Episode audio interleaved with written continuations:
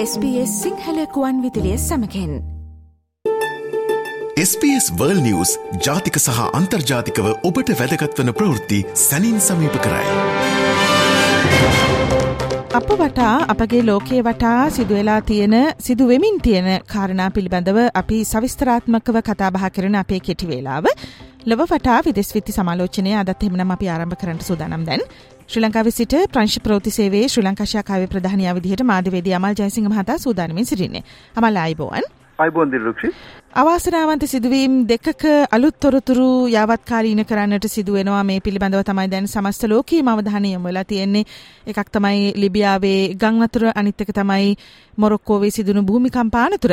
අපි මුලින්ම ලිබියාව පිළිබඳව අවධානය යොමු කරුවාමල් සුවිශාල මරණ සංඛ්‍යාවක් මේ වෙනකොට වාර්තා වෙමින් තියෙනවා ලිබියාවේ ඩර්නා කියන නගරයේ ආශ්‍රිතව ඇති වුණු මේ දැඩි ගංවතුර තත්ත්වයේ හේතුවෙන්.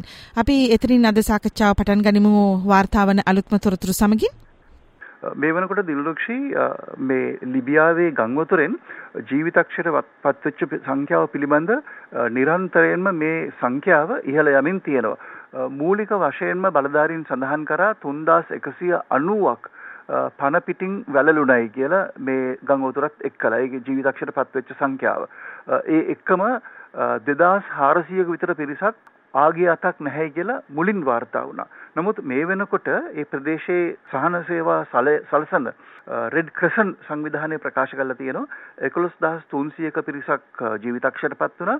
ඒ එක්කම 10000කට විතර ආසන්න පිරිසක් තවමත් ආගේ අතක් නැහැ කියලා. ඉතින් ඔවුන්ට නිරන්තරයෙන්ම මරණ හමුවීමත් එක්කලා මේ ජීවිතක්ෂයට පත්වෙච්ච ප්‍රමාණය පැයෙන් පැය ඉහළ යන තත්ත්වයක් තියෙනවා.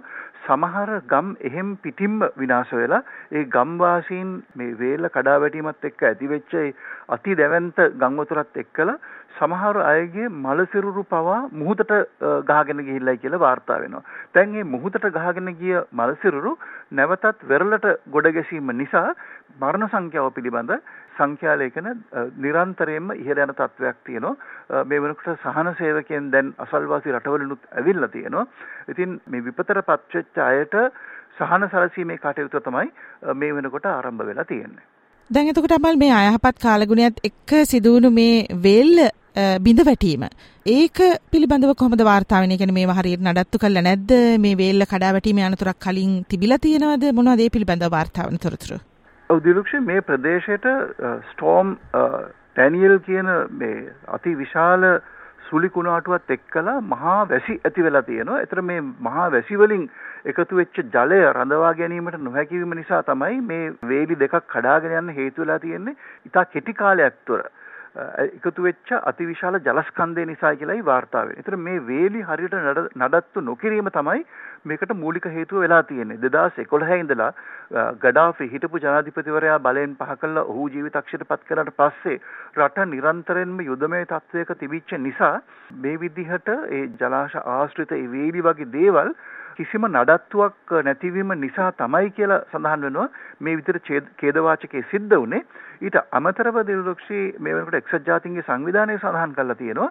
ඒ පහළ ප්‍රදේශවල ඉන්න අයට දන්වන්නට ක්‍රමවේදයක් තිබුණා නම් මේ විදිහට මෙතරම් අතිවිශාල සංඛ්‍යාවක් ජීවිතක්ෂයට පත් වෙන්නේ නැහැ කියන කාරණාවත් එක්සත් ජාතික ජාතීන්ගේ සංවිධානය මේවට සඳහන් කරලා තියෙනවා. මොකද ලිබියාව දැනට කණ්ඩායම් දෙකක් විසින් පාලනය කරන රටක් බවට පත් වෙලා තියෙනවා ගඩාෆි ජනාධිපතිවරයාගේ ඒ ඔහුගේ ඝාතනයෙන් පසුව.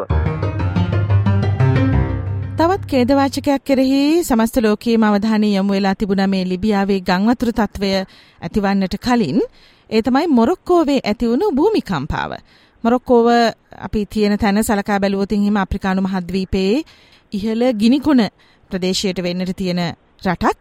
එතනදිත් විශාල ජීවිත සංඛ්‍යාවක් අහිමි වුණා තුවාල වෙච්ච විශාල සංඛ්‍යාවක් තියෙනවා ඒ මදිවට දැන් අපිට තොරතුරු වාර්තා වෙනවා මේ සහන කණ්ඩායම් විවිධ රටවලින් තමන්ගේ රටට රඟාවීම පිළිබඳව මේ මොරොක්කෝවේ රාජාණ්ඩුවක් තාම තියෙන මොරොක්කෝවේ රජ කෙනෙක් ඉන්නවා මොරොක්කෝවේ රජතුමා එච්චරයකට කැමතිත් නැහැ කියලා තොරතුරු වාර්තා වෙනවා.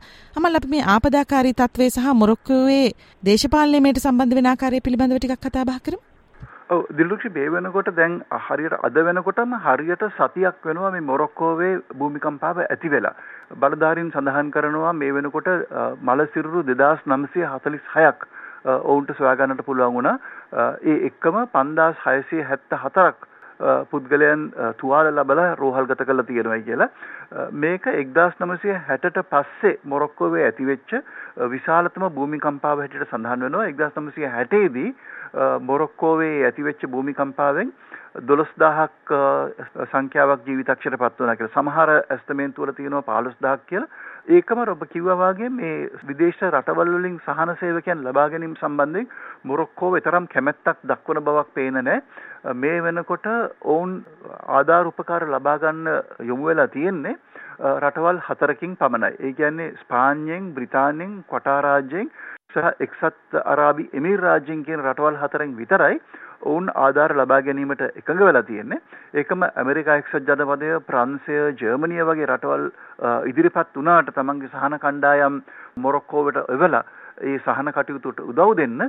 නමුත් රාජ්‍ය පාලනය ඒකට එකඟ වෙලා නැහැ. සමහර රටවල් විශේෂයෙන්ම ජර්මනියෙන් එවපු ආධාරත් ප්‍රතික්ෂේප කරලා තියෙනවා. Tamanට මේක පාලනය කරගැනීමේ හැකියාවක් තියෙන කාරණාව ඔවුන් සඳහන් කරලා තියෙනවා. නමුත් මේ කඳු තියෙන ප්‍රදේශයේ සමහර ගම් එහෙම් පිටින්ම සමතලා වෙලා තියෙනවා. ඒ ප්‍රදේශවලට ඇතුල් වෙන්න විදිහක් නැතිව, ඒ කියන්නේ මාර්ග සම්පූර්ණයෙන්ම අවහිර වෙච්ච නිසා සමහර තැන්වලට තවමත් යන්න අමාරු තත්ත්වයක් තියෙනවා කියලත් වාර්තා වෙලා තියෙනවා. ඊළඟට අවධානයට ලක් කරන්න කැමති සමස්ත ලෝකයේම අවධානයට ලක්වුණු ප්‍රධානතම දේශපාලනික කාරණාවක් තිබුණා. ඒ තමයි ලෝකයේ ආන්දෝලනාත්මක රාජ්‍යයන් දෙකක් වන උතුරු කොරියාව සහ රුසියාවේ රාජනායකින් දෙදෙනා කිම් ජොන් උන් සහ පුටින් දෙදෙනා හමු වුණා. මොකද්ද මේ හමුවේ පරමාර්ථය? එතනදී අවධානයට ලක් වෙලා තිබුණු කාරණා මොනවද? ඔව් දිල්ලුක්ෂි මේක ඇත්තටම සුවිශේෂ ගමනක් කියලා කියන්නේ කිම් ජොන් උන් රුසියාවට ගමන් කරේ තමන්ගේ දුම්රිය පාවිච්චි කරගෙන. මීට කලිනුත් ඔහු චීනයට ගමන් කරත් මේ විදිහට තමන්ගේ මේ පෞද්ගලික පරිහරණය සඳහා පාවිච්චි කරන දුම්රියෙන් මේ දුම්රිය ගියේ රුසියාවේ අගනුවරට නෙමෙයි රුසියාවේ රොකට් ගුවන්ගත කරන ස්ථානයක් කිට්ටුව තියෙන දුම්රිය ස්ථානයකටයි.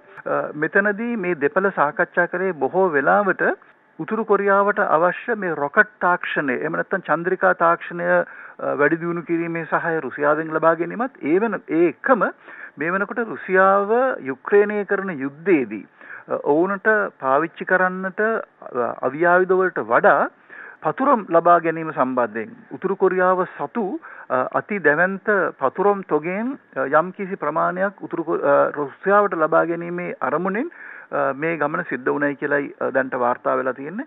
ඉතින් මේ දෙරට අතර යුද්ධමය එකඟතාවයන් එහෙම නැත්නම් යුද්ධමය වශයෙන් සහයෝගීතාවයෙන් කටයුතු කිරීම පිළිබඳ සාකච්ඡා කළා කියලා සඳහන් වෙනවා. ඒ එක්කම පුටින් ජනාධිපතිවරයා සඳහන් කළා තියෙනවා කිම් ජොන් උන්ට අවශ්‍ය ඒ තාක්ෂණික සහාය මිසයිල අත්හදා බැලීම ඒ වගේම රොකට් අත්හදා බැලීම අන්න ඒ කරුණු කාරණා වලට ඔහුට අවශ්‍ය අධිතාක්ෂණය රුසියාව සතු අධිතාක්ෂණය ලබා දීමේ කටයුතු ගැන ඔවුන් සාකච්ඡා කරා. මෙතන උතුරු කොරියාවටත් දැන් මේ වෙනකොට සම්බාධක පනවල තියෙනවා රුසියාවටත් තියෙනවා. ඉතින් මේ සම්බාධක පනවපු රටවල් දෙක එකතු වෙලා තමන්ගේ අවශ්‍යතාවයන් සම්පූර්ණ කර ගැනීම මේ හමුවේ ප්‍රධාන අරමුණක් උණයි කියලා කියනවා. ඒකම පුටින් ජනාධිපතිවරයා සඳහන් කළා තියෙනවා ඔහුට උතුරු කොරියාවට පැමිණෙන්න කියලා ආරාධනාවක් කළා. ඒ ආරාධනාව පිළිගත්තා. ඒ අනුව යථා කාලයේදී පුටින් ජනාධිපතිවරයා උතුරු කොරියාවට යෑමටත් නියමිතයි කියලා මේ සමුළුවෙන් පස්සේ ඔවුන් වාර්තා කළා. මීළඟට අවධානයට ලක් කරන්න සූදානම් වෙන්නේ මේ සමස්ත ලෝකයේම ටිකක් විශේෂිත තොරතුරක් විදිහට වාර්තා වෙන්න පටන් ගත්ත හැබැයි කාලයක් තිස්සේ සැක කරමින් සහ තොරතුරු විමර්ශනය කරමින් තිබුණු කාරණාවක් පිළිබඳව අපිට පෙනෙන ආකාරයේ සාක්ෂි ඉදිරිපත් කරපු අවස්ථාවක් පිළිබඳව. ඒ තමයි මෙක්සිකෝ කොංග්‍රස් එකට පාර්ලිමේන්තුවේ කොංග්‍රස් එකට එක්තරා පුද්ගලයෙක් අරගෙන ආවා. මේ ඒලියන්ස්ලා කියලා අපි නිතර කියන පිටසක්වල ජීවීන් වෙනත් ග්‍රහලෝකකින් පෘථිවියට පැමිණුණු ජීවීන් කොට්ටාශයක් කියලා ප්‍රදර්ශනය කරපු එක්තරා ජීවී කොට්ටාශයක සිරුරු.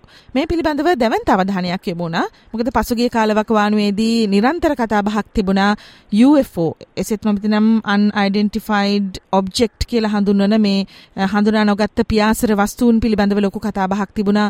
ඒලියන්ස්ලා ඉන්නවද මේ ග්‍රහලෝකයේ? එතකොට මොකක් අරබයාද ඒගොල්ලෝ මේ එනවා යනවා කියලා කියන්නේ මේ වගේ නොයෙකුත් කතාන්තර තියෙන අතරතුරේදී මේක මේ මිනිසුන්ට දැකගන්න පුළුවන් ආකාරයට මේ ජීවීන් ඉදිරිපත් කිරීම ප්‍රදර්ශනය කිරීම විශේෂිත කාරණාවක් බවට පත් වුණා. අමල් මේ කාරණාව හා සම්බන්ධව විවිධ මතභේදාත්මක තොරතුරු සංසරණය වෙමින් පවතිනවා. මේගොල්ලෝ ඇත්තටම ඒලියන්ස්ලා. නැත්තම් මෙතන තියෙන වෙන කාරණාවක්ද කියලා. මේ වෙනකොට වාර්තා වෙමින් තියෙන තොරතුරු මොනවද මේ හා සමගාමීව?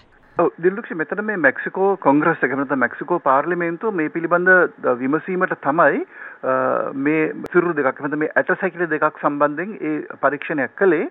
මේක මෙක්සිකෝවේ ජනමාධ්‍යවේදියෙක් විසින් 2017 දී පෙරු රාජ්‍යයේ ගුහාවක තිබිලා සොයාගත්ත ඇටසැකිලි දෙකක් තමයි මේ විදිහට දැන් ප්‍රදර්ශනය කරලා තියෙන්නේ මෙක්සිකෝවේ පාර්ලිමේන්තුව ඉදිරිපිටදී පාර්ලිමේන්තුවට.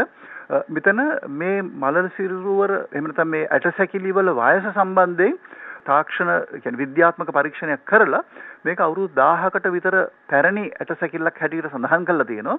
නමුත් මේ විශ්වවිද්‍යාලය මේ පිළිබඳ ඒ සහතිකය ලබා දුන්න National Autonomous University of Mexico කියන ඒ ආයතනයේ මොන ජීවීන්ගේ ඇටසැකිල්ලක්ද කියන එක පිළිබඳ ඔවුන් සහතිකයක් දීලා නැහැ.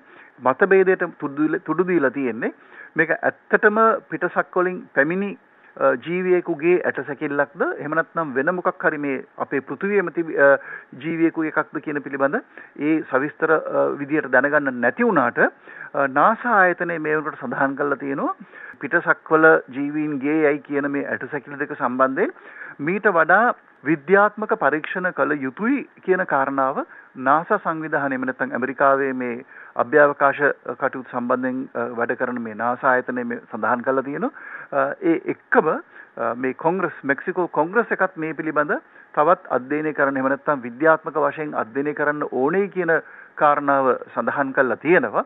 මේ ඇටසැකිලි දෙක ලැබුණේ පෙරූ රාජ්‍යයෙන් 2017 ඉඳලා මේක හමු වෙලා තියෙනවා. නමුත් ඒ පිළිබඳ මේ විදිහට ප්‍රථම වතාවට තමයි පාර්ලිමේන්තුවක අවධානය මේකට යොමු වෙලා තියෙන්නේ. මේ සම්බන්ධයෙන් ඉදිරි විද්‍යාත්මක පරීක්ෂණ කළ යුතුයි කියන කාරණාව දක්වා දැන් මේ මෙක්සිකෝ කොංග්‍රසය මේ මේ පිළිබඳ කටයුතු කිරීමත් එක්කලා ඒ මාතෘකාව නැවතත් කල එළියට ඇවිල්ලා තියෙනවා. ලෝකයේ දැවන්ත අවධානයක් තියෙනවානේ මේ ජංගම දුරකථන. විශේෂයෙන්ම මේ ස්මාර්ට් දුරකථන වලින් ශරීර සෞඛ්‍යයට යම් හානි සිදුවෙනවද නැද්ද කියන කාරණාව පිළිබඳව 5G තාක්ෂණය පිළිබඳව ලොකු ආందోලනයක් තියෙනවා. මේක මිනිස් මොළයට යම් අහිතකර බලපෑම් ඇති කරන්න පුළුවන් කිරණ නිකුත් කරන මේ අලුත් ක්‍රමෝපාය තරම් හොඳ නෑ කියන මතක් තියෙනවා. ඒ අතරතුරේදී මේ අපිට මේ මේ මෑතකදී වාර්තා වුණා iPhone 15 ආවා කියලා මාකට් එකට. වෙළඳ පොළට iPhone 15 ආවට පස්සේ ඒ පිළිබඳව අවධානයක් තියෙන අතරතුරේදී මේ Apple iPhone එකේ iPhone 12 කියන කාණ්ඩය පිළිබඳව තවත් අලුත් තොරතුරක් වාර්තා වෙනවා. මේක එච්චර මිනිස්සුරුරට හොඳ නැහැ කියලා තමයි තොරතුරු වාර්තා වෙන්නේ. අමල් මේ සම්බන්ධව වාර්තා වන තොරතුරු සහ ඒ පිළිබඳව ගන්නා වූ ක්‍රියාමාර්ග ගැන මොනවද වාර්තා වෙන්නේ?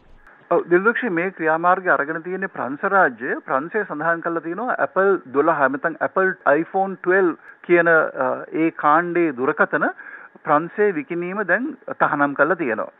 ඒ එක්කම ප්‍රංශ බලධාරීන් Apple සමාගමට නියෝග කළා තියෙනවා දැනට ඔවුන් විකුණපු Apple 12 කියන මේ කාණ්ඩේ දුරකථන නැවතත් ඒවා ලබාගෙන ඒවා වල තියෙන මේ විකිරණ බලය අඩු කරන්නට කියලා ඔවුන්ට නියෝගයක් කළා තියෙනවා. මෙතනදී ප්‍රංශ බලධාරීන් සඳහන් කරන්නේ මේ Apple 12 එකේ ඒකේ ඇතිවෙන විද්‍යුත් චුම්බක බලය මිනිස් සිරුරේ එක කිලෝග්‍රෑමයක් සඳහා යුරෝපයේ සම්මතය තමයි වොට් හතරට වඩා අඩු ප්‍රමාණයක් තමයි මිනිස් සිරුරේ එක කිලෝග්‍රෑමයකට උරා ගන්නට පුළුවන්. නමුත් මේ iPhone 12 කියන එකේ කිලෝග්‍රෑමයකට තියෙන විද්‍යුත් චුම්බක ප්‍රමාණය වොට් 5.74ක් කියලා සඳහන් වෙනවා.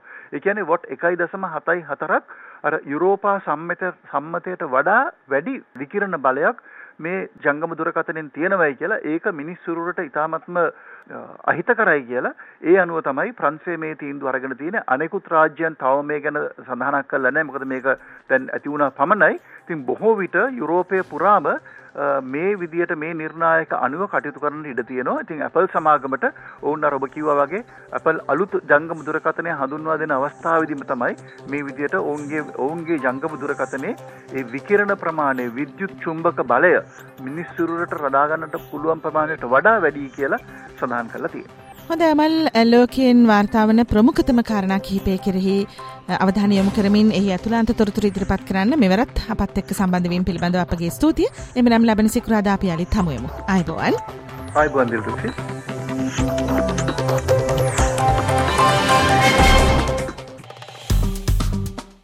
ලයි කරන්න ෂයා කරන්න අදහස් ප්‍රකාශ කරන්න SBS සිංහල ෆස්බුක් පිටුව ෆලෝ කරන්න.